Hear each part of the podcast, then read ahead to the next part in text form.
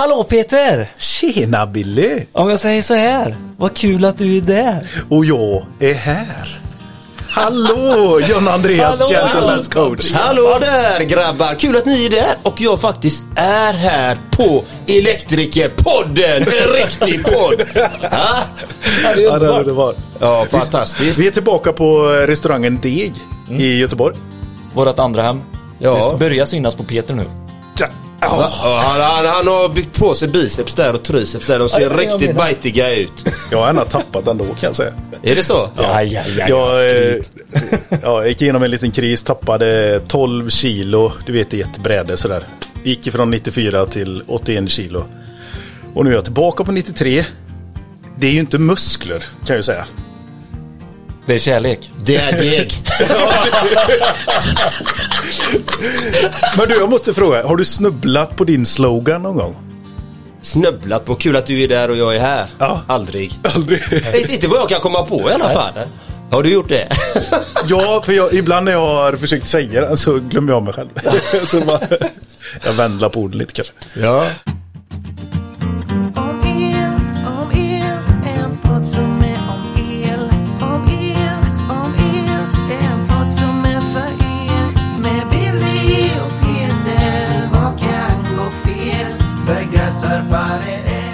Nej men det är skitkul att Men det dig med. är kul att vi är här.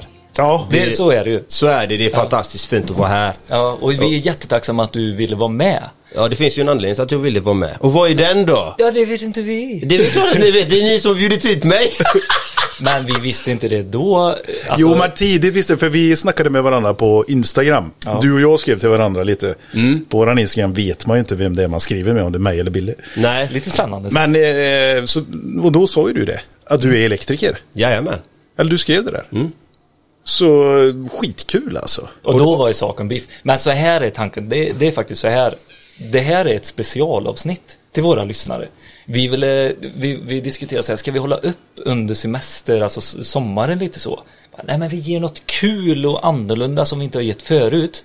Och då vill vi ha någon som eh, liksom motivera, inspirera till eh, typ, alltså att må bra och känna sig eh, eh, liksom nöjd med det man är. Är det inte lite det man vill ha? Det är därför vi kontaktar dig, för alltså du är rolig och du håller på med just detta som jag förklarar. Alltså må bra. Jajamän. Och det är mitt yrke. Jag är livssyftecoach. Ja. Eh, Och peppare har blivit under året som var tidigare förra året då. Så blev jag ju peppare också. För de som inte har sett mig på Instagram, slå på en säck. Gå in och kolla så kommer ni eh, tänka ett och annat. Och, eh, det, där heter du ju Gentlemen's coach. Jajamän. Och eh, det, det är faktiskt inte alla utav våra lyssnare som känner till det. Jag tror att det är geografiskt eh, relaterat.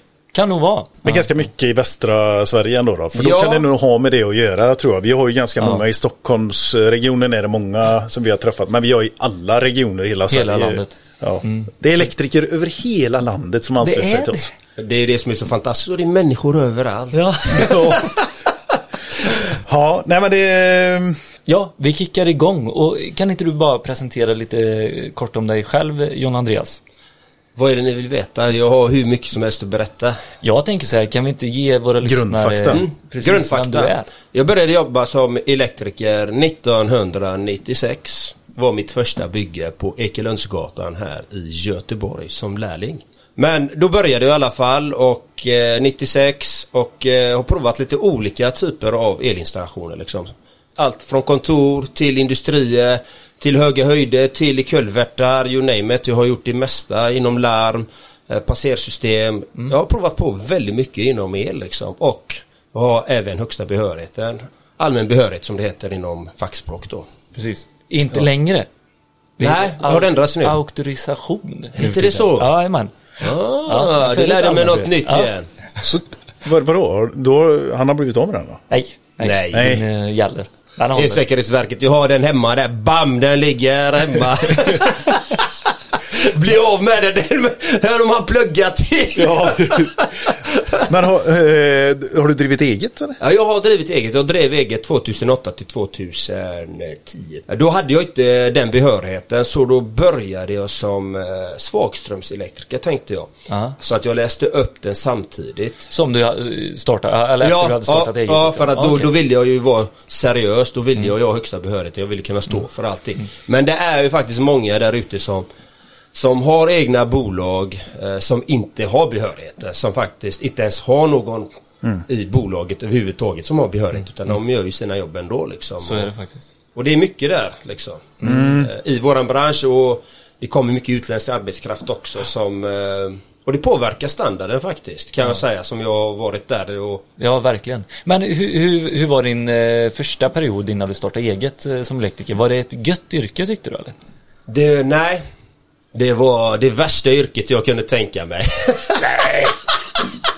nej men det var ju för att det handlade lite om att jag hade andra drömmar. Okej. Mm. Jag ville ju bli fotbollsproffs liksom och jag satsade väldigt helhjärtat på min fotboll och Sen råkade jag ut för x antal skador och kunde inte fortsätta den karriären liksom. Och... Var i EFK Göteborg eller? Det var drömmen. Eh, Men den drömmen sprack och eh, så jag vantrivdes i många år med yrket elektriker. Att Ja, faktiskt behöva gå till arbetet och göra det jag gjorde för att det kändes som ett måste. Och eh, sen blev jag ju utbränd några år senare liksom. Som... Men får jag bara fråga där innan du går vidare? Shoot. För när du hade den här drömmen och jobbade som elektriker Mm. Var det redan där du vantrivdes eller var det när drömmen, alltså när du hade fått den här skadan som du visste nu kan inte gå vidare Var det där du började vantrivas som elektriker? Mycket bra fråga. Jag såg ju bara eljobbet bara, men jag är bara här en kort tid. Jag bara ska bara dra in lite deg. Det var allt. Det, jag hade inget så här, det här är inte vad jag kommer hålla på med ändå så att jag hade inte den riktiga passionen för att göra det jobbet. Utan jag gjorde det jag skulle göra, nothing more, nothing less liksom. Inget mer, inget mindre. Eh, för att jag hade ju andra ambitioner, andra drömmar. Jag såg ju min framtid någon helt annanstans. Jag såg att jag skulle vara på Gamla Ullevi, jag skulle ut i Europa, jag skulle göra mina grejer jag skulle göra liksom. Och Jag skulle göra de sakerna. Ja. Men det blev inte så och den törnen gick den tog ganska hårt. Och ni, ni pratade lite om mansbild, machokultur innan också liksom att och man är ju uppvuxen liksom, ensam är stark, jag ska hålla inne med mina känslor, jag ska inte visa någonting. Jag ska bara, jag ska klara allting själv. Och inte tala om detta utan Och det sker ju medvetet men ändå omedvetet så då blev jag ju deprimerad och blev till slut utbränd. Och det här är på början av 2000-talet jag gick in första utbrändheten. Och vi vet ju hur byggbranschen är. Det är ju speciell attityd. Kan det vara. Speciellt på den tiden var det lite annorlunda. Då var det liksom men vad är det där för humflum? Vad är det där för hittepå-sjukdom och hit och dit liksom? Bit ihop. Ja, byt ihop, sluta gnäll liksom. Och, Arbetsskygge. Ja, arbetsskygg. Nej men det var ju så. Men hur Och- gammal var du då? då? Eh, alltså jag kommer inte ihåg hur gammal jag var. Jag var ganska ung var jag. Men när är du född? Jag är född eh, 77.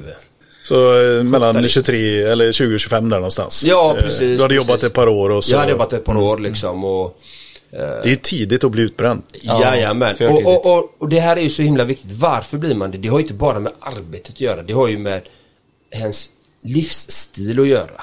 Ens familjerelationer, hur man tänker, hur man rör på sig, vad det är man gör med sitt liv. Det är ju inte bara, många, många säger, ja men arbete går det ju att gå. Ja, men om du har problem hemma också, eller om du har andra problem, då kommer det inte fungera fullt ut. Och det är oftast det du vet många krockar mellan liksom. Nej men jag blir sjukskriven på grund av jobbet. Nej det är inte bara jobbet. Det är oftast hemifrån också. Eller någonting du gör. Det är oftast det då. Eller någonting du inte gör. Eller någonting du inte gör. Precis. Rörelse. Exakt. Att du inte tar hand om dig själv. Ja. Sen hamnar jag en eh, utbränd till en utbrändhet till en längre fram några år senare. Samma sak. Bam och sen hamnar jag i ett tillstånd levande död. Som jag är ännu förbi det då. Så att eh, psykisk ohälsa kan jag tala om i mängder. I timtal. Mm. Hur så, eh, ja, hur, vad hade du för relation med mamma och pappa? Och, Eh, Den var bra till en början men de såg ju vad det barkade vägen och då avbröts faktiskt min relation med mina föräldrar. Jag tog ett avstånd själv. Så att jag klippte banden med min familj också. ställde de för hårda krav tyckte du? Eller Ja, de, eh, ja, ja, men det blev ju det. Mina föräldrar Ja. ställde hårda krav. Och eh, de, de hade inte samma syn på saker och ting. Vilket jag förstår dem. Ja. Givetvis. Och jag har världens fantastiska relation med mina föräldrar idag. Mm. Den är mycket bättre idag. Mycket vackrare, mycket finare. Och allting går att vända. Men det gäller att man själv ändras. Utan titta på, det här mår jag bra utav. Så här vill jag ha mitt liv. Och det är ju så. Alltså, vi är ju väldigt komplexa varelser, nummer ett. Du kan tänka dig själv liksom, du är... Eh, du behöver ha någon typ av energi. Det är våran mat. Det är våran energi. Det är våra bränsle för att vi ska kunna röra den här kroppen som är motorn. Sen har vi kretskortet som är där uppe som är följt med kontaktorer, reläer, olika styrningar. Sen, sen bygger vi på den här kretskortet och med extra kontaktorer och sånt. Och sen är det vissa saker som inte används som glöms bort. Så ligger det där ute i nätet och blir snedbelastningar hit och dit. Bam, bam, bam. Det blir kortslutningar här och var. Och detta är sånt som händer med våran kropp hela tiden. Det är det som händer liksom. Vi bygger på, bygger på anläggningen hela tiden och till slut så hamnar vi där och blir helt utbrända. Vi och säkringen har gått. Ja. Vi, vi kommer ju snacka mer om detta. Både jag och Billy sitter ju ganska häpna här över vad det är vi kommer få ha för samtal. Det, Ja. det låter sjukt intressant. Men eh, jag skulle vilja fortsätta lite grann på din, eh, på din bakgrund lite grann. Så att eh, våra lyssnare får en eh, bild av vem eh, John Andreas är i, i grunden så. Eh, du är ju född och uppvuxen i Göteborg. Jajamän, ren göteborgare. Hörs inte det? Nej, jag Du tänkte ligger inte på, det. du ligger på gränsen Ja. tror jag. Är det så? Det är lite Nej. Ja, du är så tydlig så till och med min tjej från Göteborg, eh, hon är inte i närheten. Nej, jag är, jag är ren göteborgare och jag älskar Göteborg kan jag säga. Jag tycker det här är en fantastisk stad. Jag har bott här nästan hela mitt liv. Jag bodde en liten sväng i Spanien också och eh, pluggade till att lära mig att skriva litteratur. Okej. Och arbetade svart som elektriker i Gjorde du det? Spanien. Ja men då gjorde du dem en tjänst. Ja, det gjorde jag. De har faktiskt tre för oss. Ja, det är så. Ja. Men hur var, hur var det att göra eljobb där? Alltså det var ju fantastiskt kul alltså. Ja. Alltså jag hade ju bara norska kunder. Aha. Jag, jag träffade en norsk rörläggare där och för att dryga ut studiekassan då så bara så träffade jag en norsk rörläggare. Han bara, men jag firma har varit här hur, många, hur länge som helst och det är bara att hoppa på här. De, eh, och det fungerar så de betalar kontant där och så, ja, ja men då gör, gjorde jag det liksom. Inget mer med det. Nej. Det är över tio år sedan så det är preskriberat. Det är preskriberat sedan länge. Ja, det är. Men eh, vart är det i, i Göteborg för de som bor och känner till Göteborg? Vad sa du? Vart bodde du i Göteborg? Ja, jag har bott över hela Göteborg egentligen. Det är jättelärorikt att faktiskt flytta på sig och alltså trots att det är samma stad så är det olika kulturer ändå. Nej men så är det ju. Det Och är visst ju lär man känna sig själv i olika miljöer. Alltså och flytta sig själv så märker man hur man funkar i de olika miljöerna. Tycker? Jajamän. Och det är en fördel som serviceelektriker till exempel. Ja, ja, ja. Det är riktigt bra att kunna möta olika kulturer för det har jag fått göra väldigt mycket och det har jag haft tillgång till för att jag har rört på mig så mycket. Att träffa olika människor och, och möta de människorna liksom. Ibland är de agiterade, galna. Du måste komma hem till mig nu, du måste fixa det här nu. Ja, men det är ju lördag idag. och du har ju tur att du har en svara på en lördag. Ja, precis. Men det där kan jag känna igen. Eh, jag, jag älskar det liksom. Och de, de här skiftningarna. Ja. Alla kulturer. Alla kulturer och skiftningarna mellan olika typer av människor och, och sätt att hantera eh, ja, olika möten och sådär. Jag tyckte det var underbart. Nej, det är fantastiskt. Jag älskar ju också, jag älskar ju människor framförallt. Ja. Så att jag tycker ju de här mötena är så himla viktiga liksom. För man kan alltid lära sig någonting av varje möte. Okej, då, vi vet eh, att du är göteborgare. För Ja. de som inte visste det genom att höra på det. Jag gillar, gillar fotboll och Ja. arbetar som elektriker sedan 96 men arbetar som coach idag. Precis. Vill du ta med oss det liksom för de som eh, kanske sitter i en sån situation idag där de känner att jag är på bristningsgränsen. Hur, hur märkte du det eller hur ser du det nu efteråt? Att, att jag inte såg de signalerna tydligare än vad jag gjorde innan det var för sent. Det måste ju funnits saker du kunnat Det ändra. finns en miljard saker. Ja. Det finns så mycket. Men om du bara säger en miljon då? Av dem. Men, nej, men, nej, men alltså om man säger så här. Det, det enda tipset jag kan säga till de som är i det, eller egentligen alla människor, spelar ingen roll om man är där. Säg nej till de sakerna du inte vill ha i ditt liv och säg ja till de sakerna du vill ha i ditt liv. Säg nej till de arbetsuppgifterna du inte hinner med. Och säg ja till de arbetsuppgifterna du hinner med. Kort och gott. Så säger du ja till arbetsuppgifter, då har du tagit på dig mer och du kommer få ett sämre resultat i de jobben du gör. Kort och gott. Men, och beroende på vad man har för tjänst. Eh, som elektriker då, jag pratar som elektriker nu, eller, eller som vanlig arbetare. Men det spelar ingen roll. Har man tagit på sig någonting då får man titta på, okej, det här känns inte bra. Varför känns det inte bra? Då måste man lokalisera varför det inte känns bra. Aha, det är för att jag kommer få sämre resultat i de här. Ja men, gå tillbaka till vederbörande då som du har tackat ja till. Säga, Oavsett om det är slutkund eller om det är din arbetsgivare eller vem det nu må vara. Säga, jag är ledsen, jag, jag förhastade mig här. Jag kommer inte hinna med det här i arbetet. Jag vill, jag, då kommer jag få ett sämre resultat på de här arbeten. Och är det slutkunden, ja, och man har pratat med sin arbetsgivare att man inte kan lösa det, då måste man hitta någon lösning på det för att så att man inte själv känner sig stressad. Ja, då får man lägga in mer resurser, hitta, hitta fler gubbar som kan hjälpa till, eller skjuta på deadlinen. Vinsten som kommer ur det. Jag hänger med på precis vad Ja, du jag menar. så och jag ser ju så många Egenföretagare. egenföretagare ja, som tar de här eh, dumma jobben egentligen. Eh, där det känns som man sätter upp ett billigt schema för sig själv. Där också familjen på eftermiddagen inkluderas. Och intressena och kompisarna och, och kollegorna och alltihopa. Och så ser man när det här händer. Och så tackar då nej till det här jobbet. För att komma hem och vara en trevlig människa mot dina, mot dina barn eller mot din sambo eller eh, Ja. dina vänner eller vara med på fotbollsträningen den här eh, gången alla andra var med. Eller sådär. Jajamän. Och då, Men vi- då kan man ju tänka det är tillbaka. vinsten. Det är vinsten. Då, och man behöver inte göra det misstaget, eller de här lärdomarna jag gjorde. Jag säger inte det som misstag, men lärdomarna jag gjorde. Att komma hem. Du är ju familjefar liksom. Var familjefar på den tiden. Mina barn är ju stora nu. Men att komma hem stressad, helt slutkörd, tankarna någon helt annanstans, inte kunna vara närvarande, och gå in i två utbrändheter och ett tillstånd levande död. Då har inte jag funnits där till 100% för min familj. Oavsett om jag har dragit in degen eller cashen eller eh, försörjningen så har inte jag funnits där. Jag har inte kunnat prestera där jag egentligen borde vara. Och där är jätteviktigt att är man en, en eh, i den situationen att du behöver säga nej, du behöver hitta andra möjligheter, andra lösningar liksom. Och där är ju faktiskt coaching väldigt bra, får jag säga.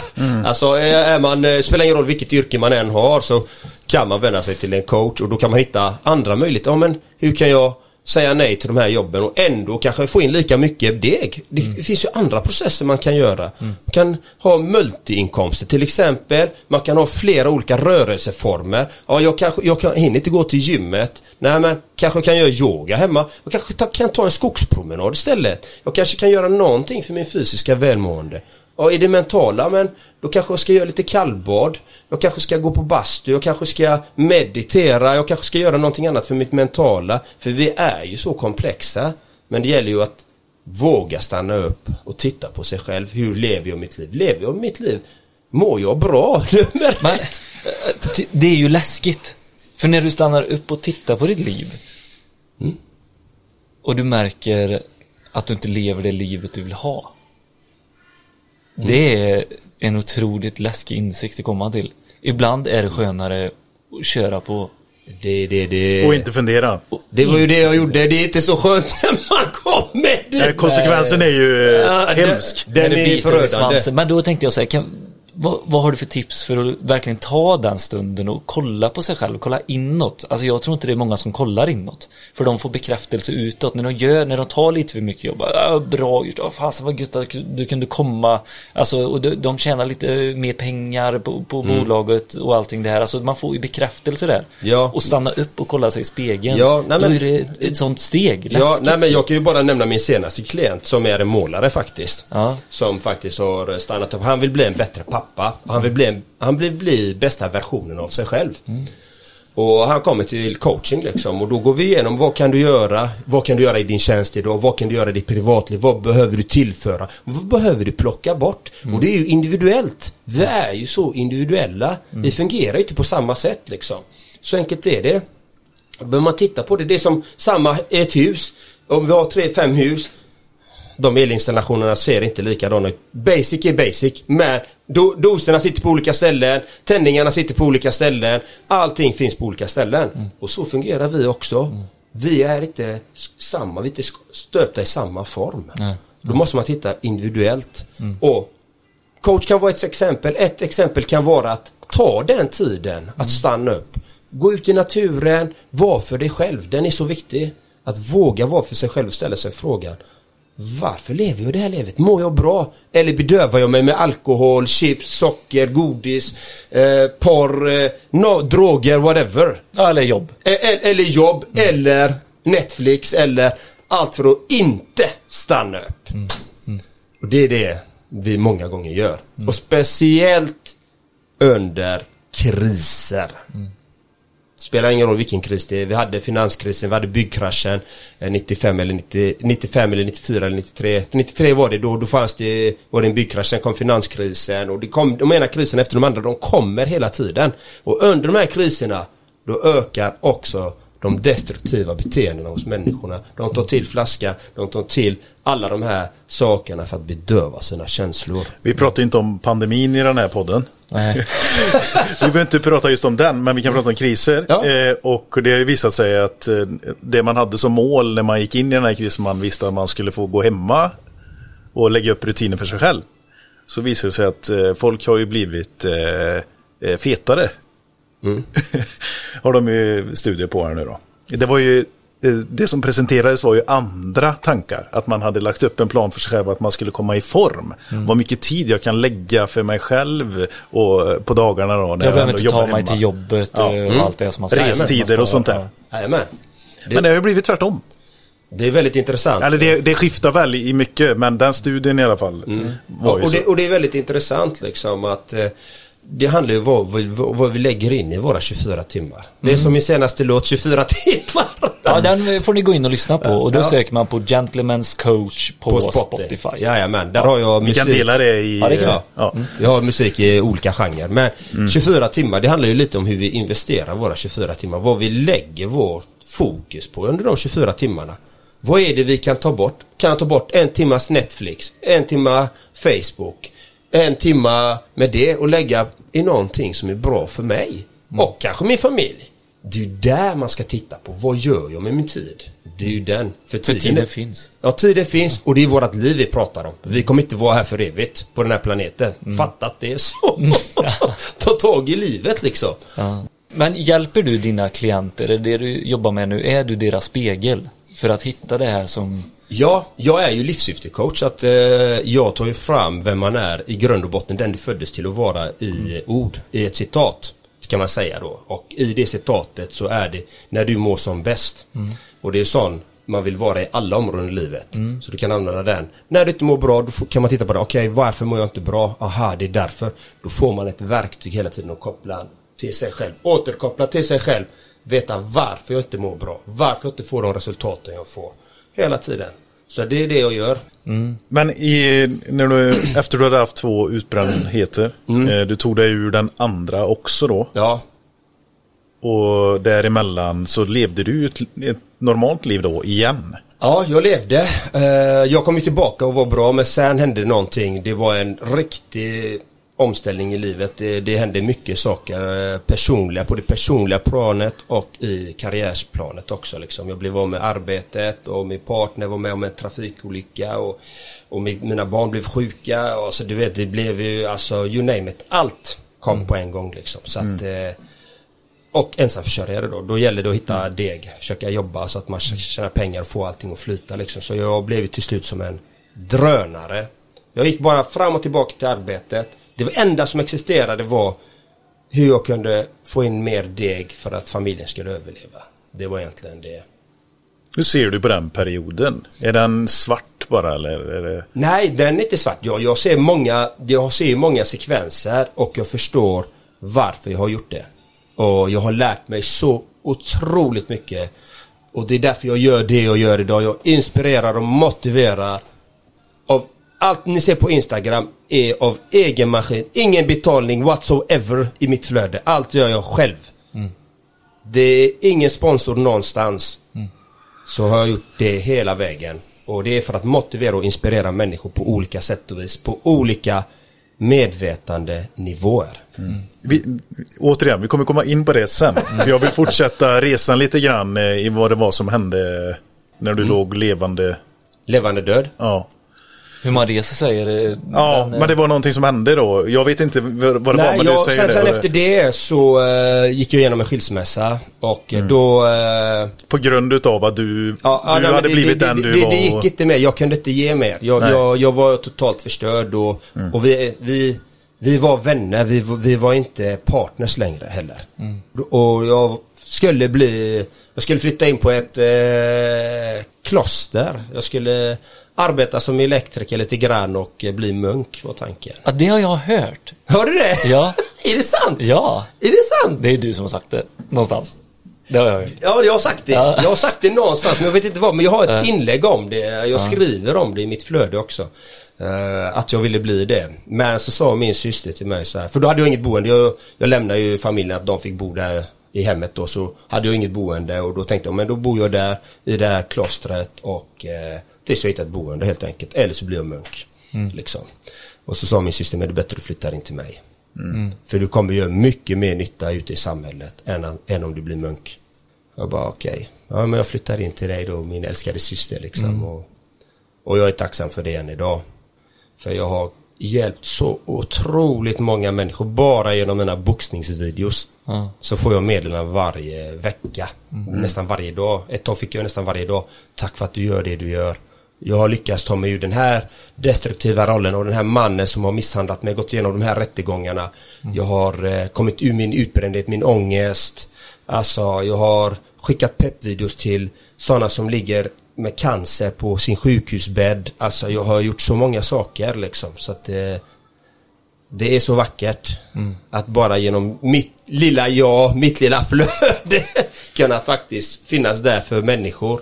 Ja men det är helt underbart. Vi får ju också mycket pepp alltså genom de avsnitten vi levererar ut. Jag och Billy kanske inte alltid säger någonting fint men vi har i alla fall Vi har ju tagit steget. Ja vi har tagit Ja vi har bra gäster men vi har tagit steget och, och gjort det. Så det är väldigt kul att få det att man påverkar människor till en positiv i en positiv riktning. Och då kan jag tycka så här, den, den feedbacken vi får är så här, bara, det är så kul och det är så intressant och jag blir liksom mer Vi räddar inga nyfiken. liv. Nej, Precis. vi, räddar ju mer timmen på dagen. Som Ja det är så här branschen, att de tycker det är kul och de är stolta i det de gör. Ja. Men du liksom peppar till att förändra ditt liv. Ja, och så är man, är man elektriker, vi säger en serviceelektriker då. Hur, hur startar du din dag?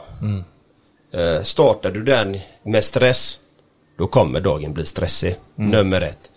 Alltså, jag kan bara ge mina tips som jag som elektriker, serviceelektriker, hur jag arbetar som serviceelektriker. Man har sin agenda, man har sina ja, tre jobb, fyra jobb. Ja, då handlar jag alla grejerna direkt på grossisten. Direkt. Så jobbar jag med första jobbet, bam. Ja, det går bra. Andra jobbet går bra. Men tre, tredje jobbet, det går inte riktigt som det ska. Då ringer jag redan nummer fyra och kollar. Kan jag boka dig till imorgon? Kan jag boka dig till imorgon? För det, det är tajt med tid här. Ja, klockan är efter lunch. Ja, men det är efter Ja. lunch liksom. Det, det kan vara klockan, klockan kan vara 12, 1. Och jag märker att det här kommer dra ut på tiden. Istället för att stressa och fastna i Göteborgstrafiken eller Stockholmstraf Stockholmstrafiken. där, där för en göteborgare i Stockholm och köra där alltså det... Va- Vart det, ska den eh, John Andreasson? Ja, det Vart, undrar jag. Alltså, ska han inte rätt ner i holken eller? Han får kortslutning. Ja, ja, ja. det är podden. Jag tittar på dig Billy. Eh, finns det någonting i ditt ledarskap som eh, arbetsgivare och projektledare som gör att du strukturellt påvisar det här att du måste klara av det fjärde? Nja, eller du, nu kan jag bara Fakturerbar prata- tid skulle jag vilja komma till. Nej, just på service. Jag har ju haft en service, eller varit ansvarig för en serviceavdelning också. Och det gör inte så mycket så länge du pratar med din kund och förklarar att jag kommer inte hinna till det här fjärde jobbet. Då är, då är jag som arbetsledare helt fine med det för att vi ska få, få, kundens, få kunden nöjd och vi fyller dagen med tid ändå. Alltså vi går ju på löpande men det är ju lite det här när du har räknat på jobb och det ska bli, nej men ni ska klara det här på en vecka. Det är då man kan få den här stressen också. Och Mm. Man säger det till grabbarna, det, det är den här veckan ni har på er att göra det här jobbet. Det är det jag har räknat med liksom. Mm. Japp. Och då blir det också den stressen Ja. och sånt. Så jag är inte riktigt med på vad du är ute efter där. För Nej men jag menar hur, hur, när man kommer in som montör på, på eran firma där till exempel och så ser man att alla klarar sig. Mm. Alla jobbar ju så här. Alla fakturerar fullt och, och alltihopa. När jag satt på, i butiken på grossisten så, så var det ju så servicemontörerna pratade. Att Mm. du ska ju vara 100% fakturerbar tid och så fick man höra att de fuskade med timmarna för att hinna hem. Alltså de sköt på, på det fjärde jobbet men fick ändå ihop fram Mm. till klockan var tre. Och så fuskar de med någon timme där Mm. på någon kund eller någonting. För att det skulle se bra ut. Men för, har ni, puttar ni över liksom eh, direkt från början att, eh, jag tror att det är en gammal kultur också. Det tror jag med. Att man liksom, du är rak och tydlig som man då, eller som chef mot dina servicemontörer. Så att de, de, de vågar inte, Nej, men alltså jag, fela, eller Ja. säger, eller vågar inte komma. Det, det är de det inte som hinner. jag tror att det är skillnad på en, eh, en chef och en ledare.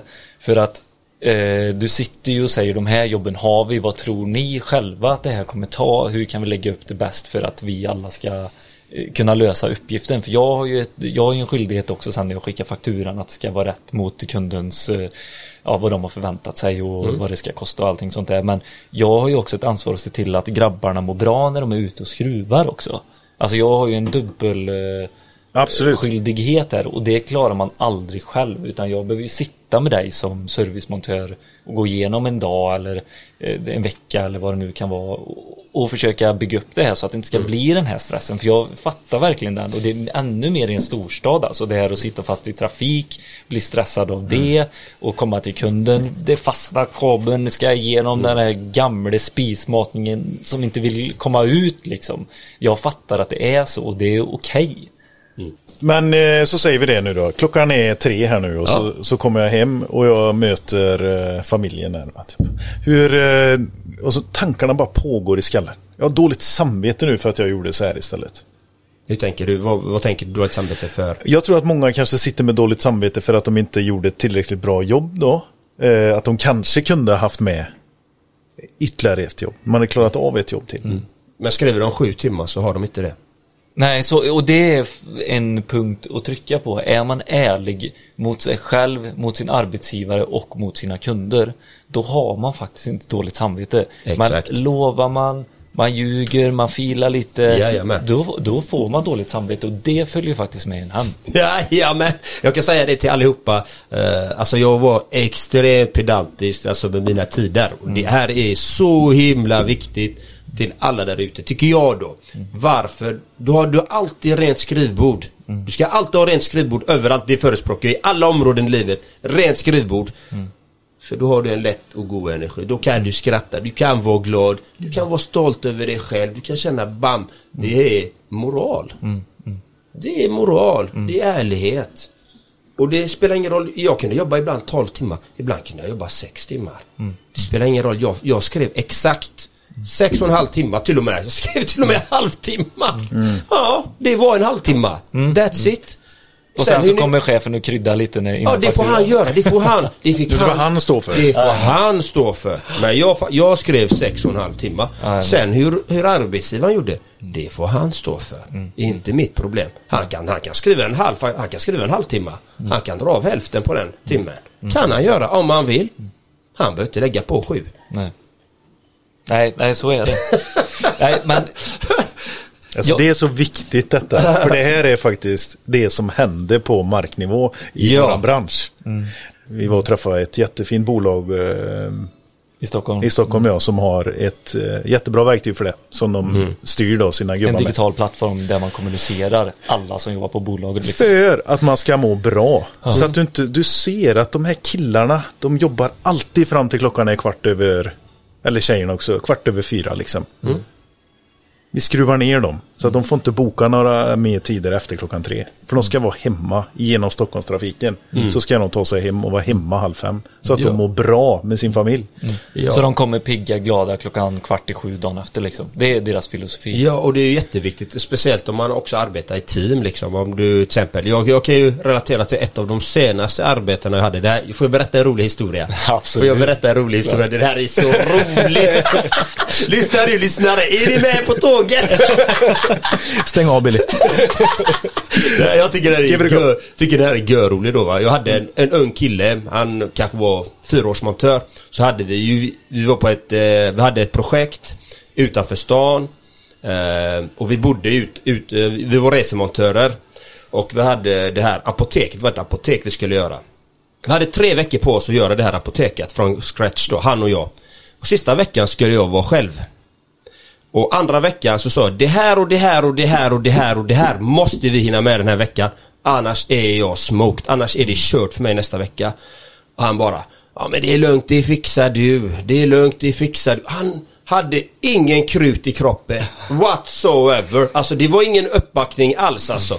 Och då började jag, då började jag känna, "Uff, jag börjar bli stressad där. För att jag ser vad det är som måste göras nästa vecka. Jag tänkte okej, hur ska jag lösa det här? Jag ringer, jag ringer chefen och säger så här, nästa vecka, jag måste ha två man här. Han bara, nej men det går inte. Om du vill att projektet ska vara klart nästa vecka, jag ska ha två gubbar här nästa vecka. That, that's it, jag kommer inte klara det. Han bara, okej, jag, jag löser det. Och jag, jag ligger på den här killen, liksom den här unga då. Han bara, nej men det löser du nästa vecka. Och sen, sen bara, okej hur ska jag lösa det här? Så gick jag ut, kom tillbaka, hade andats lite. Ja, jag, jag snackade med chefen. Han bara, Nej du ska ta över bygget nästa vecka. Du ska ta över bygget. Och alltså han började jobba. Han började svettas liksom. Han började... Och jag bara, ah, ja du, ska du med på en kaffefika eller? Han bara, nej, jag, nej, jag, jag hinner inte. Ska du verkligen gå? Men det löser du nästa vecka. Fan vad smart eller? Du bara vände på steken. Och jag höll på så alltså i tre dagar. Höll jag på. Jag stod där uppe och jobbade, vet högt upp och höll på att koppla dosan. Bara, Hur länge ska du koppla den dosan egentligen? Hur länge ska du koppla den dosan egentligen? Du har stått där i en timme nu. Ja, ja, men det är lugnt. Du löser det nästa vecka. Det löser det. Fan, det var... Det, var, det ska jag använda med mina barn. Du vet, och han blev ju så stressad och så åkte vi hem då. Och på den tiden då, då, då avslutas ju arbetsdagen på torsdag, vad var det, klockan sex på dagen då. Han kör servicebilen på väg hem till Götet. Och jag tar fram en romflaska, häller upp, ah nu börjar helgen, så gott! Ja. Äh, Jag förespråkar inte alkohol, jag dricker ingen alkohol nu då, men det, det var ju en god känsla bara sådär då liksom. Och så, jag har, en, jag har en nyhet till dig. Han bara, vadå? Du kommer nästa vecka och jag kommer vara här nästa vecka och vi får en gubbe till. Och du får lösa centralen som du har pillat i för den rör inte jag. Det är så man axlarna på han bara. Ja, jag gick på den ordentligt, jag blev så stressad. Varsågod, välkommen till klubben. Vi är ett team, vi jobbar tillsammans, vi stöttar varandra. Man lämnar inte sin kollega i skiten. Nummer ett, punkt. Han lärde sig. Ja, vad, Ja, var snyggt. bra metod alltså. Den gav mig en insikt. Och jag hade så roligt, alltså jag hade så roligt. Vet du, jag pratar ju, du vet, jag pratar i telefon, jag har mina handsfree när jag jobbar och jag skrattar ju hela tiden till varenda som sa nu lurar jag lärlingen eller uh, montören, han tror han ska ta över allt. Och jag skrattar så mycket och varje skratt var ju som ett kniv. Ja. Men... ehm, Så det, så det kan man göra. Ja, det var snyggt. Om man inte har en teammate som backar upp en ordentligt. Så man kan vända på steken. Hur du hittar tillbaka? Vad, Ja. vad, vad var ditt uppvaknande? Vad var liksom, du började fundera på munkliv till och med? Jajamän. Liksom allt det här. Eh, 2008 egentligen så började jag ju egentligen med en inre personlig utveckling. Även om jag var utbränd innan och blev utbränd sen igen. Men så började den personliga, verkligen resan med att jag åkte på ett eh, meditationsretreat 2008. Eh, och det här är också en rolig historia. Ska jag berätta? ja, kör! då, då kommer mitt ex hem. Hon har varit iväg på ett sånt här meditationsretreat. Hon kommer hem och är helt lyrisk. Hon lyser. Hon, alltså hon är så vacker. Hon, hon bara skiner liksom. Så Bara, wow, så lätt. Bara, vad, vad är det här? Bara, det är så fantastiskt. Och jag blir ju orolig. Tänker jag, hon har hamnat i en sekt va. Ja. Jag blir ju så rädd va.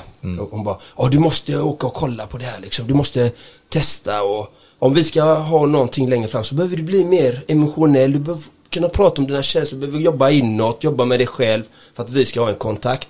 Jag bara, jajamän, jajamän, ja jag anmäler mig, jag anmäler mig. Men det var inte för det syftet, det var för att kolla så att det inte var en sekt. Ja, okej.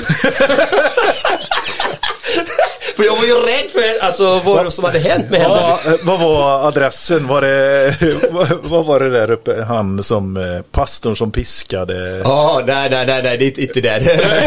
nej, det är inget religiöst. Koppom? Nej, vad fan var Ja, skitsamma. Ja, jag vet vad du menar. Ja. Nej, Jag kommer inte heller ihåg vad det hette. Men då hamnade jag på ett, eh, då hamnade jag på ett sånt här retreat liksom. eh, Tio dagars silence retreat. Tyst meditation i tio dagar.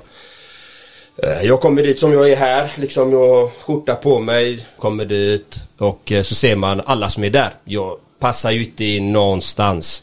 Tänker, vad är det här för humflum? Ja, det är harenbyxor och... Ja, ja, ja, med red- dreadlocks Ja, och, och du vet, jag dömer folk. Jajamän. Och det ska man inte göra. Man ska inte döma någon. Du känner inte människan. Spelar ingen roll hur de ser ut. Men jag dömde och fördömde. Och så började jag meditera där liksom. Sitta där. Man ska meditera tio timmar om dagen. Var jag där tre dagar i rad och bara det här är en sekt, det här är vansinne, det här är helt galet. Eh, Men det var egentligen mina egna tankar som var problemet. Det var inte själva meditationen. Det var hur jag såg på saker och ting. Så efter tre dagar så fick jag bara Okej, jag vill åka hem. Jag vill åka hem hela tiden. Men jag kan inte åka hem. För då har jag inte stannat tio dagar. Och jag kan inte komma hem och säga att det är en sekt om inte jag kontrollerat, fullföljt allting. Och så hade jag vinnarskalle. Jag var ju gammal elitfotbollsspelare liksom. Så att jag ville ju inte vika ner mig. Jag ville vara man liksom. Det är det här macho liksom. Att man inte vara svår. Så jag stannade alla de tio dagarna. Och det var välinvesterade tio dagar.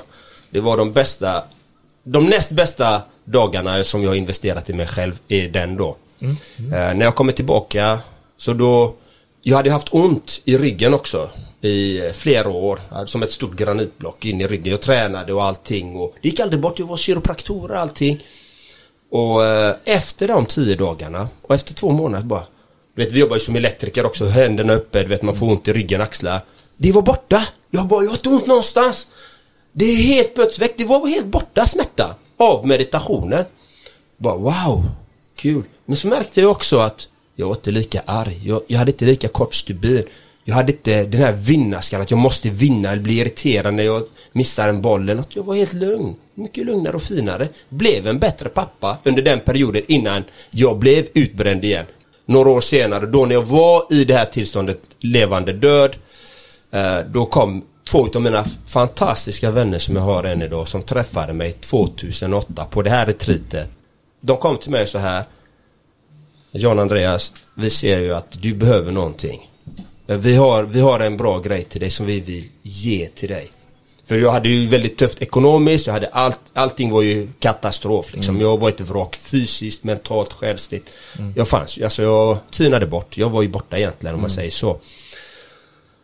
Vi har ett retreat till dig. En helt annan, en helt annan meditationsform. Vi tror, vi betalar en resa, allting och du åker med oss och det vill vi ge dig. Jag, jag tackade ja. Och under den processen där, då landade jag i mig själv, hittade mitt hem. Det är här inne. Jag behöver inte allt det här externa, jag behöver inte de här sakerna, de gör inte mig lycklig. Det är här inne som gör mig lycklig. Det var där som grunden, den riktiga grunden lades till att det, som kommer till det jag gör idag. Och då är därför jag ville bli munk liksom.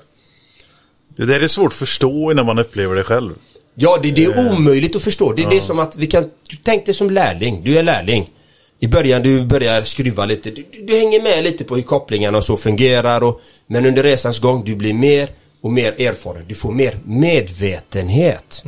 Du får mer medvetenhet. Och det handlar om att du får mer kunskap. Och det är samma sak i livet. Du ökar på din medvetenhet inom vissa områden. Och jag har ökat min medvetenhet i mig själv om mig själv, hur jag fungerar, hur jag är och vad det är jag vill göra med mitt liv. Och det är det, vet man det, vem man är. Alla kända filosofer säger Know thyself, känn dig själv. Känn dig själv verkligen, varför är jag som jag är? Vad har jag lärt mig allt detta? jag ska säga så här. När man har kommit till en viss eh, statement i meditationen, då är man, meditationen går egentligen ut på att vara i nuet. Att acceptera det som är. Du är i smärtan, du ska acceptera smärtan, du ska vara i det. Och det är det egentligen meditationen går ut på, det att stärka ditt sinne och ditt fokus, att du ser mer klarare, mer medveten, mer närvaro. Att det här är som det är. Behöver jag reagera på de här mörka tankarna eller på att Billy är otrevlig mot mig? Behöver jag, behöver jag ens bry mig? Behöver jag ens ta in det i mitt system? Nej. Jag har min vägg där. Det är ju hans problem om han är arg och grinig. Jag behöver ta in det i mitt system. Eller mina tankar. Ja nu, åh, den jäveln, den idioten. Åh, han gjorde si och så. Han kopplar fel där. Vilken idiot. Nej, du behöver inte tänka så. Han, han gjorde ett misstag där. Ja, men då får han fixa det. Det, det är ett val. Du mår ju dåligt liksom. Eller, åh det är så synd om mig. Jag, jag har haft en sån taskig barndom. Ja, jag har haft en taskig barndom. Yes. Men nu har jag inte det. Nu är jag vuxen. Ta action, gör saker. Jag har också haft en taskig barndom. Men det är inte, inte så, men jag har varit med om saker liksom. Att det, det är ju hur man förhåller sig till sina tankar, till sina omständigheter. Vilken känsla vill vi ha? Och den hittar man när man är själv. Det, det Jag, är jag säger inte att alla fråga. gör det utan jag fann ju den eh, via meditation och eh, coaching och egen utbildning genom alla föreläsningar jag lyssnade på när jag jobbade liksom. Jag hade ju alltid lurar liksom. Jag jobbar ju mycket själv. Så jag lyssnar ju på all, mycket sånt här eh, självhjälp, eh, person, personlig utveckling när jag var på arbetet. Alltså jag utbild, det roliga är ju att jag utbildade mig som, när jag var elektriker, att jag utbildade mig till det här jag gör idag under många år innan jag ens hoppar på den här utbildningen. Hela tiden fick jag det till mig. Du, du ska ju hjälpa fler. Du ska sprida din energi och hjälpa fler människor så att människor får det du, du har. Din kärlek och din glädje, din, den här positiviteten, det, det måste du lära ut. Och det blev ju så att faktiskt en gammal, gammal barndomsvän kom till mig liksom. Och han hade hamnat i kriminalitet, han hade hamnat i drogmissbruk och eh, spruckna skilsmässa. Alltså han hade hamnat alltså, riktigt snett. Han bara, du, har, ju- du är ju lycklig, kan inte du coacha mig?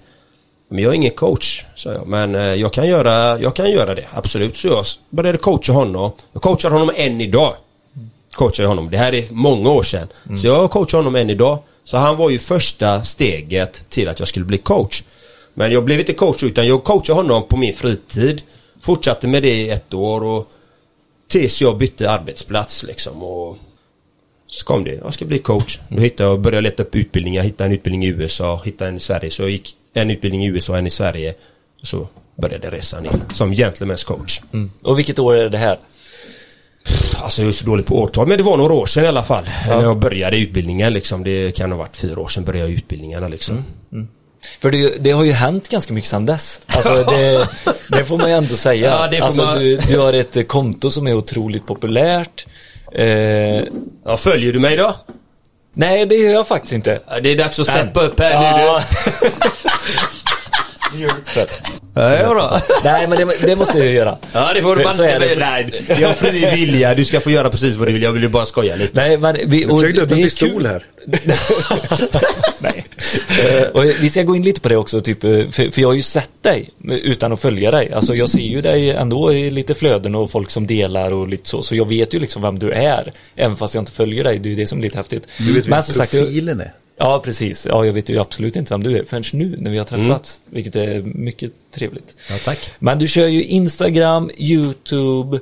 eh, Du har varit med i SVT, en dokumentär där. Ja. En sån eh, minidokumentär, Ja, du det? gjorde mig till ett meme. Ja, precis. Den får ni Mm. titta på. Väldigt bra faktiskt. Med det här nättroll och det som är mycket idag. Jajamän. Eh, så det har hänt otroligt mycket sedan du tog liksom det här steget att bli livscoach. Ja, livscoach och livssyftecoach. Förmodligen den enda i Sverige som har den här metoden.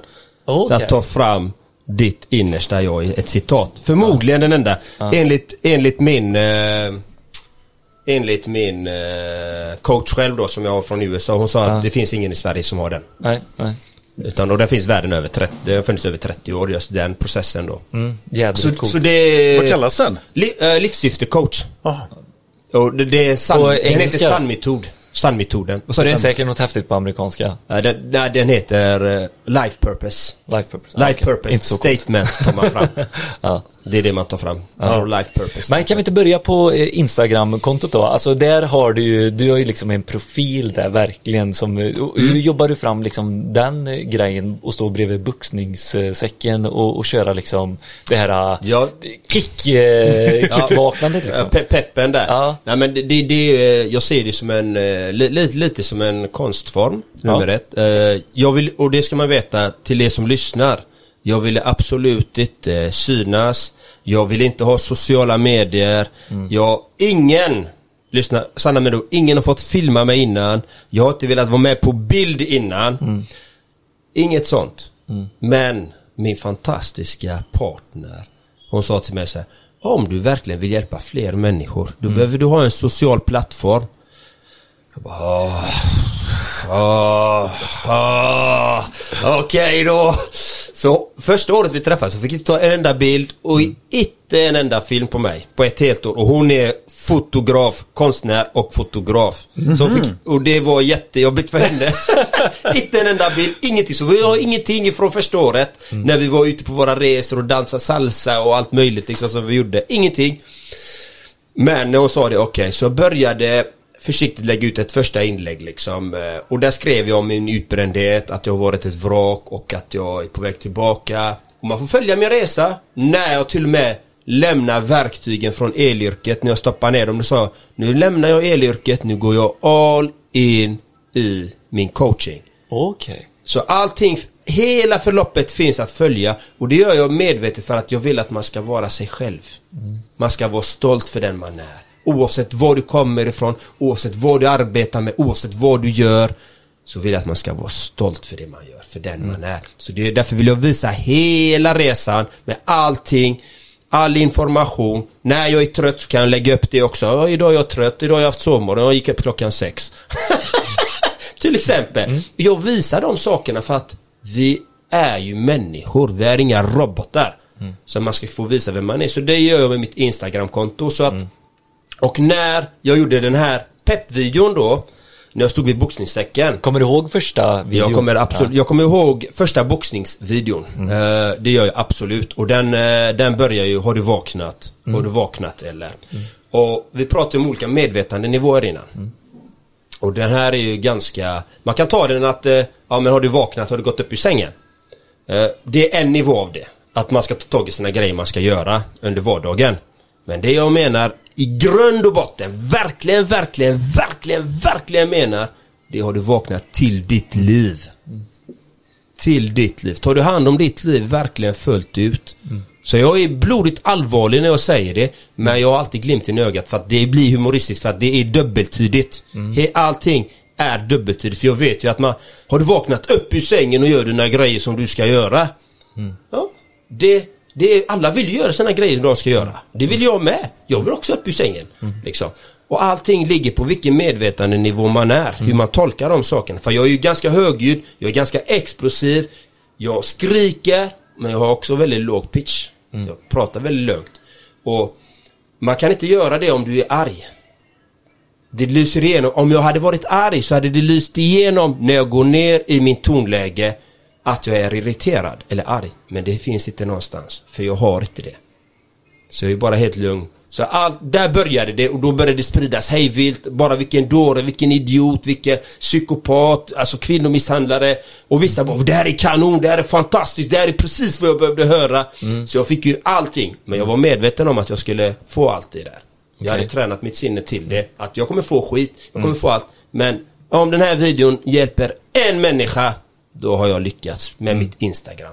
Det var det mitt Instagram var till för, för att hjälpa en människa. Och jag har hjälpt många. Och jag är så tacksam för det. Tacksam till min partner som filmar mig väldigt mycket, tar kort på mig, som stöttar sin man. Det är så vackert. Det är det en relation går ut på, att växa tillsammans och stötta varandra. I Verkligen. alla relationer egentligen att man ska stötta varandra och växa, inte trycka ner varandra. Titta, han la den armaturen helt skev. Hur fan tänkte du där? Nej, ja. Hur tänkte du? Kan du ändra det? Hur kan du göra så här? Det handlar om vilket inställning man har. Gå och hämta vattenpasset. Ja, men alltså... Nej men liksom, alltså det handlar lite om de bitarna, liksom, hur, hur vi relaterar till saker och ting.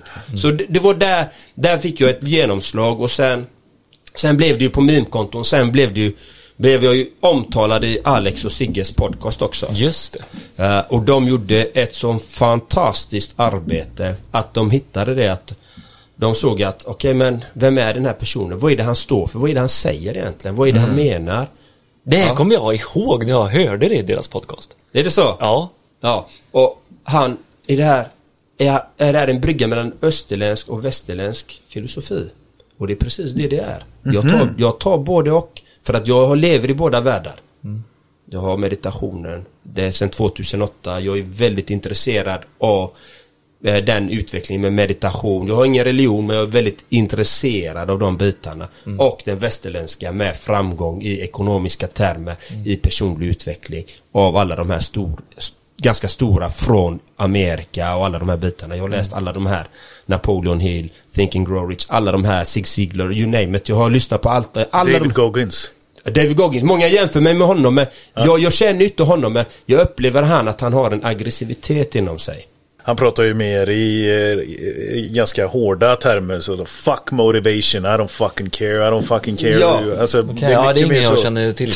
Ja. Nej men och, och, Han, är en, eh, häft, han har gjort mycket häftiga saker också. Absolut, han har, ju, han, har ett bra, han har ju ett starkt mindset eh, i det han gör. Sen vet jag inte hur hans relationer är. Jag, Nej, det, det är ju det. Man eh, får inte reda ju, på det. jag vill ju ha en, mång, jag vill ha ett, ett mindset, ett, en mental inställning som är öppet, som är villig att lära sig, men som är... Jag ger mig aldrig. Men går jag in i den här betongväggen och gått in i den en, två gånger. Ja, men det kanske finns ett annat sätt. Kan jag gå runt den? Kan jag bila mig igenom? Kan jag, kan jag gräva en grop? Kan jag klättra? Det handlar om att vara smart också. Inte bara kötta på, mata på, alltså kriga. Nej, det kan vara smart, strategiskt, planerande.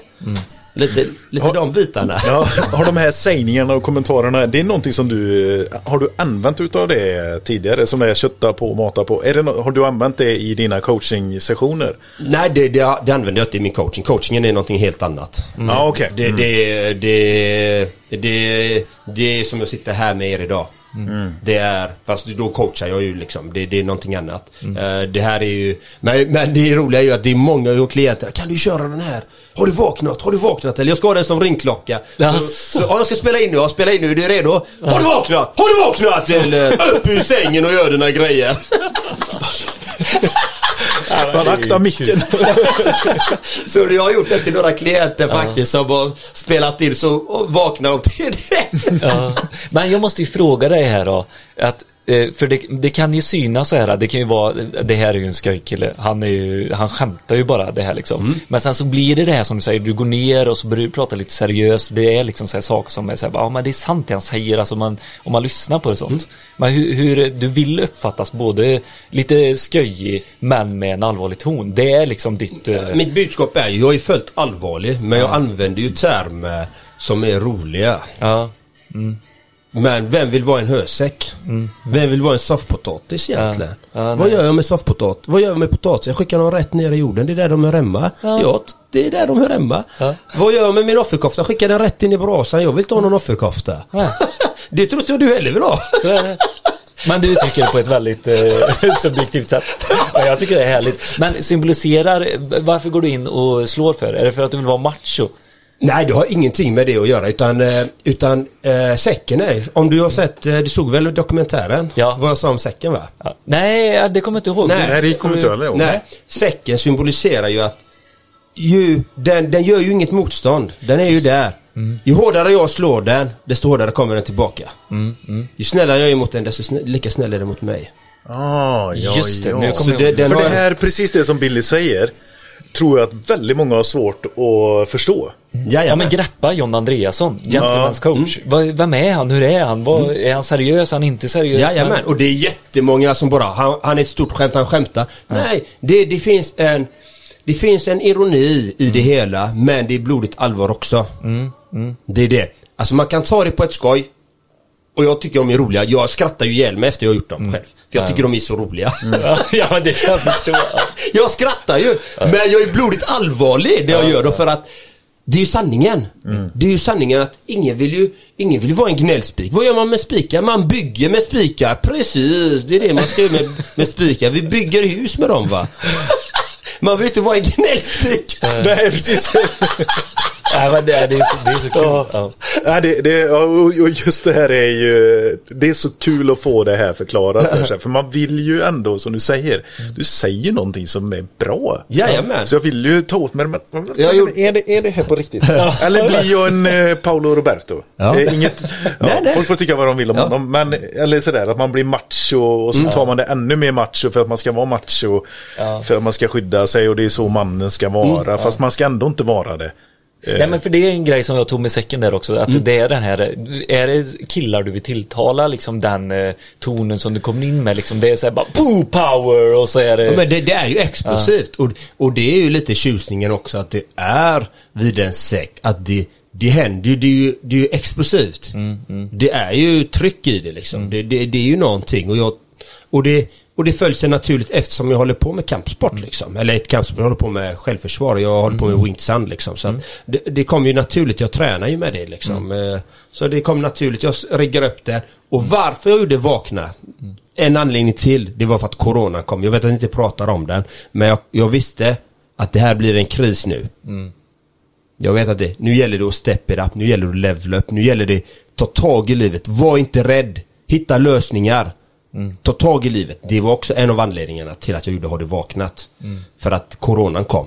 För jag ville inte att folk skulle ta täcket över huvudet, bli, bli ett offer, utan ta bort täcket. Våga komma utanför, hitta nya möjligheter, hitta nya samarbeten. Hur kan jag utvecklas? För jag visste att det kommer bli fler arbetslösa, det kommer bli kriser, det kommer bli depression, det kommer bli missbruk, det kommer bli fler droganvändning. Jag visste det redan och det är därför jag gjorde den. Jag visste det.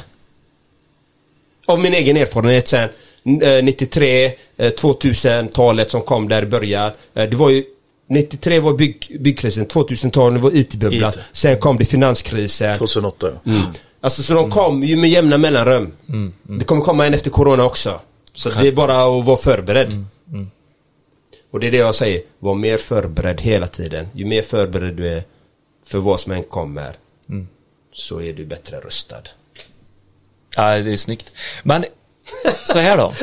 Okej, du Innan- svar på din fråga egentligen? Ja men det tycker jag. jag. Jag har fått en mycket klarare bild av liksom eh, Ja. eh, varför videon, vem du är bakom videon och allt det här. Det tycker jag är skitintressant. Men nu är en fråga, hur var det hur var din arbetssituation liksom innan du började ta upp det på Instagram kontra efter? Hade du eh, fullsatt med klienter innan? Nej, nej, det hade jag inte. Utan innan, alltså, jag gick ju all in liksom. Jag hade ju, jag hade ju, jag hade ju klienter, eh, givetvis. Men alla som bygger ett bolag, eller bygger en verksamhet, det tar tid. Ja, du behöver ha tålamod. Du behöver vara, vara driven, du behöver jobba för det. Ingenting kommer gratis. Så enkelt är det. Jag hade klienter innan. Men jag kan säga att jag fick ett ordentligt uppsving. Ja. Inget snack. Men det är ju också en av anledningarna till att sociala medier finns. Du Ja. kan nå ut till fler. Ja, och absolut. inte bara det utan jag fick ju en förgrening till. Peppvideos. Jag har gjort till alla möjliga, till bolag, till elmässan till exempel. just det. Som eh, i Åby till exempel. Den har jag gjort till. Eh, till deras säljare. Jag har gjort till massa företag, synoptik. Jag har gjort till eh, Alltså jag har gjort jättemånga till företag, organisationer. Nu gjorde jag en till till Räddningsmissionen här nu. Eh, volontärligt. Det gjorde jag till dem faktiskt. Jag har varit med i Musikhjälpen, jag har varit med alltså på så många ställen och för att peppa folk till de här bitarna. Så det blev en nisch till. Vilket jag förmodligen är den enda i Sverige som gör på det viset. Att peppa folk. Eh, både privatpersoner, organisationer, bolag etc. Jag har även skickat peppvideos till Norge, eh, till USA, jag har haft kunder liksom och göra de här peppvideos liksom. Har eh, klienter svårt att skilja dig, John Andreas, från Gentlemen's coach när de möter dig? Nej, det har de inte för att de har ju följt hela det. De följer ju mig och om man bara tittar på mina boxningsvideor, då har man bara en bild. Men följer man hela mitt... Vad gör jag på sociala medier? Jag visar ju hela bilden. Jag visar, jag går i naturen, jag gör mina kallbad, jag sitter i min soffa eller på mitt kontor eller någonstans och har fördjupningar av boxningsvideosarna. av offerkoftan, om gnällspiken, om de här bitarna. Så har jag ett djupare samtal om vad jag menar med dem. Så där kan man gå in och titta på när jag har längre klipp, kanske de är kanske på 8 minuter, ibland 30 minuter, där jag går på djupet. Och det är där som kunskapen ligger. Det andra är bara quick fix. Så, så de som säger att de inte har Ja, vem, är han ett skämt eller inte? De har bara kollat på boxningsvideosarna. De, har inte, de har inte gjort hela resan, de har inte gjort efterforskningen. De har inte gjort sitt jobb ordentligt. Innan man döm, dömer dig. Innan man dömer mig. Precis. Jajamän. Mm. Och, och det här är så himla intressant för många har börjat följa mig för att jag var en rolig prick. Jag trodde du var en skojare. Jag, jag började följa för att du är en rolig prick liksom. Jag skrattar åt dina peppvideos. Men ju mer jag har följt dig och följt alla dina grejer du gör. Applåd. Det är fantastiskt arbete. Du är grym. Du är fantastisk. Jag bara tack, det är du med. Ja. Och jag tror man behöver en sån människa som dig i sitt liv. Alltså man behöver någon coach liksom och det kan vara en kompis, eh, en familjemedlem eller någon helt utifrån. Och det är ju lite därför som vi pratar om det idag som vi sa inledningsvis där att vi vill ju hjälpa elektriker som kanske känner att de går i det här tunga och de känner inte att de utvecklas och sånt där. Va- Vart vänder man sig om man vill eh, ta hjälp utav dig? Om man skulle vilja ta hjälp av mig, jag finns Ja. på, eh, jag har en hemsida, gentlemanscoach.com. Det är framförallt där man går om man vill ha hjälp Okej. av mig. Eh, där har jag ju eh, frågeformulär man får ställa och där finns också självtester som är helt gratis att ladda ner och jag har en blogg där det finns väldigt mycket information också. Så det finns självtester där du kan ladda ner och testa din självkänsla. Hur trygg är du i dig själv? För självkänslan är alltid egentligen det viktigaste du har. Det är ju vem du är. Och det är den jag jobbar mest med. För att självkänsla och självförtroende är inte samma sak. Nej. Jag kanske spinner ut det, jag vet inte hur mycket tid vi har men ska jag ta den biten? Du Jajamän. kan köra på. Ja, ja. Självkänsla och självförtroende är olika saker. Självförtroende är hur trygg du är i ett visst moment i ditt liv. I en viss del i elektrikeryrket. Jag är trygg här. Det här kan jag, det här behärskar jag. Men hur, hur, hur trygg är du om du ska ställa dig på scen? Hur trygg är du om du ska göra någonting du aldrig har gjort? Hur trygg är du då? Är du, eh, hur känner du dig? En som har god självkänsla, han är trygg även där. Han känner sig lugn och fin. Ja, men jag behärskat det där, det är fine. Jag är inte proffs på det här, jag ska lära mig det här. Och det kan han kommunicera med sig själv och med dem som han träffar i den situationen. Där är en enorm skillnad. För han känner sig trygg var han än går. När han har riktigt, riktigt grundad självkänsla. Det var det som meditationsretreat som jag pratade om när jag hittade mig själv liksom. Bam, landade här. Bam. Och det är en sån enorm skillnad på det. Och det, många vet inte om den differensen. Jag visste inte om den själv tidigare. Innan jag blev coach liksom och så här. Forskat i det. Men det är en stor skillnad. Förstår ni skillnaden? Mm, jajamän, jag är med dig. Ja, så lite, lite som man hittar mig på gentlemenscoach.com och vill man ha lite mer info och lyssna på talks och sånt och vill jag veta mer så är det ju på Youtube, Gentlemen's coach eller på Instagram. Liksom. Det, och så har jag podden Lev ditt drömliv där jag tillsammans med en annan coach inom Primal och det är hälsa då, det är kost och rörelse. Så vi är två coacher där faktiskt som har en podd. Men många intressanta gäster också. Mm. Spännande att- se det så jag tar del av verkligen. Och så har jag musiken, den får Ja, ni inte ja, glömma ja. vet du. Sommarhitten är satt. jag vet inte. Jo men det, det, det, alltså det är både roligt och så här gött eh, bit och lite sånt där. Jag lyssnar lite på bilen eh, på väg hem Ja. eh, idag. Alltså det är kul, gött liksom. Det är verkligen det. tack, tack, tack. Men kan vi skicka med, det här avsnittet kommer ju ut mitt i sommaren, mitt i semestern när vi har det som göttigast. Och vi kanske Så nu är det brassestolar och tofflor Ja, ja, ja. och, och Nu- pina coladas. Jag brukar säga att semestern har du den största möjligheten till personlig utveckling eller till, eller till att börja med någonting du verkligen vill göra. Du har ju absolut störst möjlighet då. Då har du inte, då är du inte låst vid de här åtta timmarna eller tio timmarna eller hur mycket du arbetar. Då är du inte låst där. Då kan du frigöra lite tid så du kommer bättre röstad in till hösten eller när du börjar arbeta. Då kan du lägga in kanske någon rörelseträning varje dag. Någonting, eller din hobby om du gillar att skriva. Det spelar ingen roll vad det är. Men du kan föra in en ny vana. Det är den absolut bästa tiden att ta vara på ja, semestern. Att inte att man kommer sämre rösta tillbaka efter semester. Vilket jag har gjort och säkert många andra har gjort det också. Kommer tillbaka sämre röstade till arbetsplatsen. Och det gynnar i sämre resultat och det tar tid att komma tillbaka. Och, You name it. Så att semestern har du störst möjlighet. Och det brukar jag också säga, de som jobbar måndag till fredag, helgens potential brukar jag säga. Då har du också störst möjlighet till förändring, till att föra in nya vanor, till att börja med någonting. Så helgen är också ett ypperligt tillfälle till att starta någonting. Jag ska börja se eh, mitt eh, chokladätande som någonting positivt. På måndag faktiskt ska jag göra det. Ja. Och så ska jag välja speciella tillfällen då jag ska äta choklad. För att jag älskar choklad. Ja, Det ska jag börja med på måndag. Det är väl jättebra att du blir medveten om Ja. ditt beroende. Det är ju jättebra. Nej, men det är, Det är ganska medvet- starkt beroende kan jag säga. Mm. Vad, är, vad är det för choklad då? Marabou. Eh, Fazer blå.